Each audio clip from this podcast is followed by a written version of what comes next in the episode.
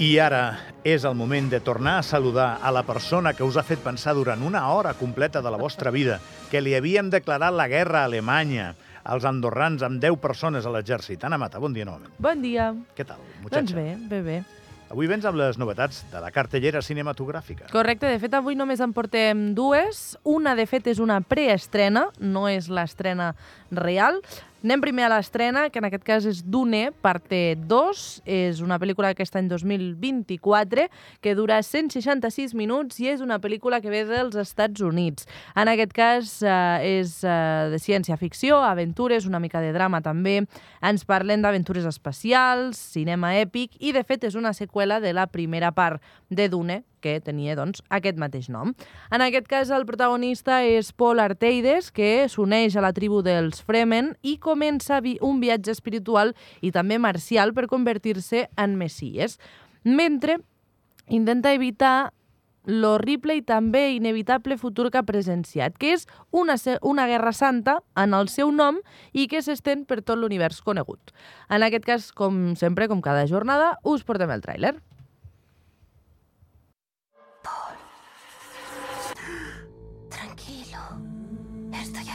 Hacía tiempo que no tenías esas pesadillas. Dime, ¿qué has soñado? Son solo fragmentos. No se ve con claridad. Vosotros lleváis décadas luchando contra los Harkonnen. ¡Carga!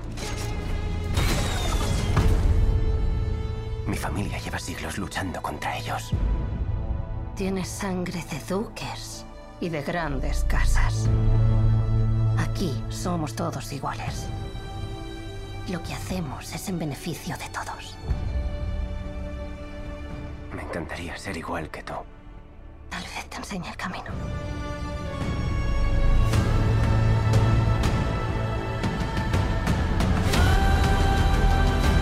Encárgate del profeta.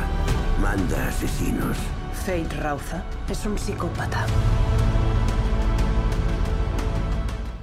Que això no és un tràiler, és la pel·lícula. Sí, gairebé sencera, sí. Però en aquest cas, la Guerra Santa ja n'hem viscut una.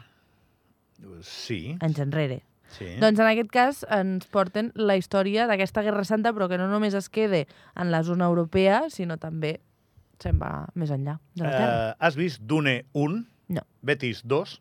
No, no, l'has vist, no? No. Ni la pel·lícula antiga tampoc, no? No. Això és un remake d'una pel·li dels 80, eh? Mhm. I de novel·les, diria. Mira. Bueno, és especial, eh? És, és ciència-ficció i és un univers particular. No, no és Star Wars, Star Wars és més... Crec que és més fàcil de consumir, Star Wars. El bé, el mal, Mhm. eh, la força, tot allò, els, els conceptes són menys poètics. Aquí hi ha una mica més de barreja. Doncs ja tenim aquesta segona és part. xulo. La primera és molt xula. De fet, us dic el repartiment perquè no us l'he dit. Timothy Chalamet, també Zendaya, tenim a Rebecca Ferguson, Austin Butler o Javier Bardem, entre altres. I anem a l'alta de les estrenes, que com us deia abans és una preestrena, perquè s'estrena el dia 8 de març, val? per tant encara haurem d'esperar uns dies més, però aquesta preestrena serà dissabte dia 2 a dos quarts de 6 de la tarda. I aquesta ens fa especial il·lu- il·lusió. Per què? Kung Fu Panda 4. Acaba de presentar Dune, que és el blockbuster del cap de setmana, però la que li fa il·lusió és Kung Ah, Fu mi sí. Panda 4. Jo totes les Per què? pel·lícules que tinguin a veure amb la meva vida d'infantesa i adolescent, en aquest cas, eh, em fa molta il·lusió tenir noves parts, que total, segurament no l'aniré a veure, però fa gràcia tornar a reviure aquestes històries. Què té de particular Kung Fu Panda? Doncs que és un panda molt gros, què fa Kung Fu? que li agrada el Kung Fu, Gràcies, no hi mal pregunta, senyorita. No, i a banda d'això que li agrada molt menjar. Per tant, és, és com... El, el, el tema és la, la dedicació que posa al Kung Fu deixant de banda el seu, el, la, la seva afició per menjar, perquè sabem que per fer aquest tipus d'esports doncs hem, estar, hem de tenir una dieta equilibrada, etc. Doncs en aquest cas, Kung Fu Panda, que es diu Po, que és com els teletubbies, però eh, Po, que és el protagonista, doncs intenta fer-ho, en certa manera, com pot, no? Mm, És golafre. Mesclant una mica aquesta ànsia de menjar amb eh, l'esport que més li agrada, que en aquest cas és el Kung Fu. Molt bé, i deus tenir tràiler de Kung Fu Panda 4. Clar que sí. Val, Quina val. pregunta és aquesta? Perdona, David? me la mata. Som-hi. Oh, es hora de dar el siguiente paso en tu viaje. ¿Ya no seguiré siendo el guerrero del dragón? Ascenderás a ser líder espiritual del Valle de la Paz. Paz interior. ¡Fuera de mi playa, mantarraya! Pam, por favor. Dimsun al vapor y salsa de soja que dé sabor. Nah, si es que se me va, no me concentro. Tai Soy muy fan. Cuando posea el kung fu de todos los maestros villanos, nadie se atreverá a cuestionar mi poder. Ni siquiera el gran guerrero del dragón. ¿Quién es esa? La más poderosa hechicera cambia formas. La camaleona. ¿Y cómo encuentro a esa... la camaleona? Te llevaré directamente hasta ella. ¡Ellos son un ejército! La camaleona. Estàs vibrant, eh, Ana Mata? És que a mi aquestes històries em fan molta gràcia. En aquest cas, veiem que el Po, que és el protagonista, li ofereixen ser, com hem pogut escoltar en el tràiler, doncs, el líder espiritual d'aquesta Vall de la Pau. I es, en una de les parts del tràiler doncs, se sent al costat d'un arbre pues, a, a meditar, entenc, i òbviament no pot meditar, perquè quan meditem hem de posar la, la ment en blanc, i ell no la pot posar en blanc. Sempre li, li arriben doncs, batalles de, de Kung Fu. I en aquesta quarta entrega apareix una malvada, que és aquesta, la camaleona, que li diu ell, en lloc de dir-li camaleona, li diu la camaleona que és una poderosa bruixa doncs, que li posarà les coses una mica més difícils.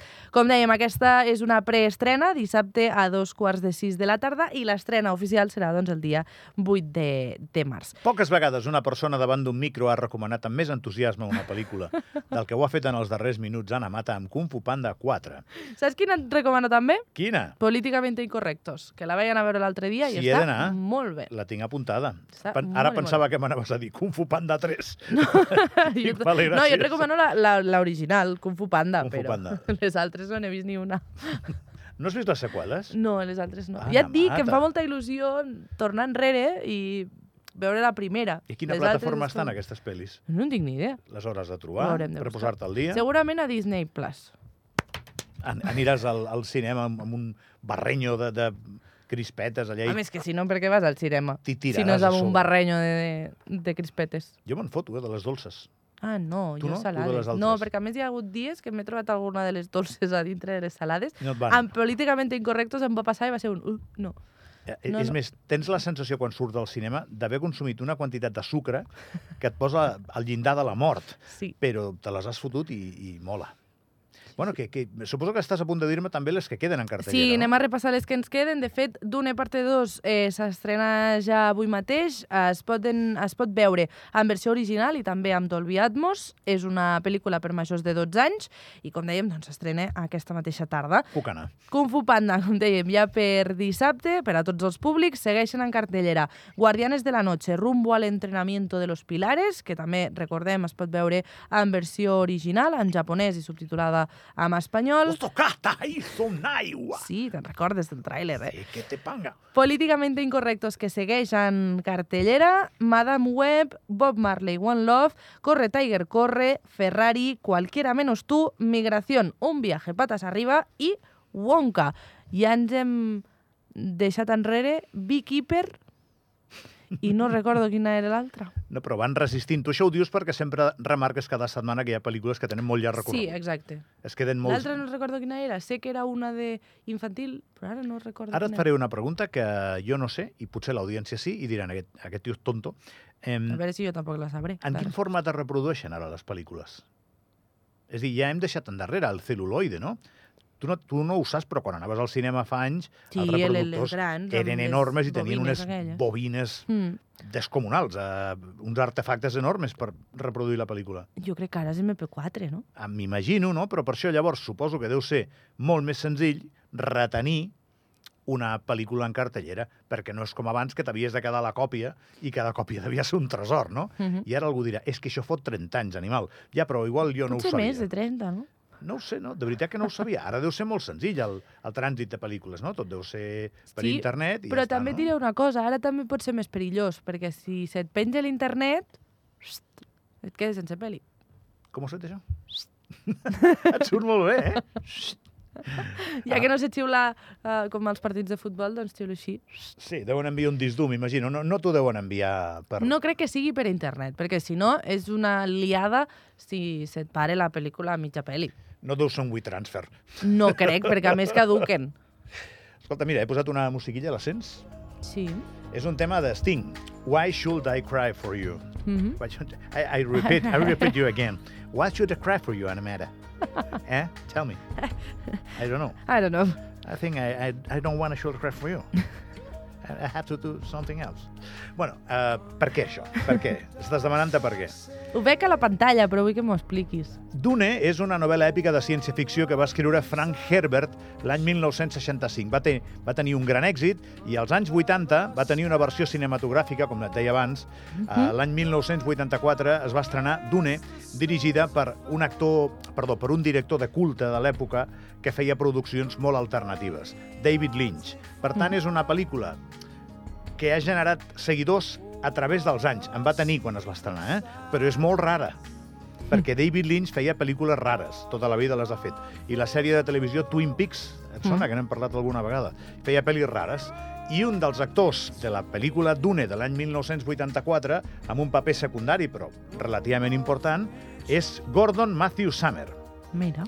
Qui és Gordon Matthew Summer? Sting. Ah, mira. Sting té paper a, a Dune. I aquesta és una cançó de Sting que m'agrada molt. doncs està molt bé. És una cançó molt maca. You have to finish the program. I have to finish the program Yes. with the song of Sting. Uh, um, behind? Behind, Behind, me? sí. Sort que ho he dit bé.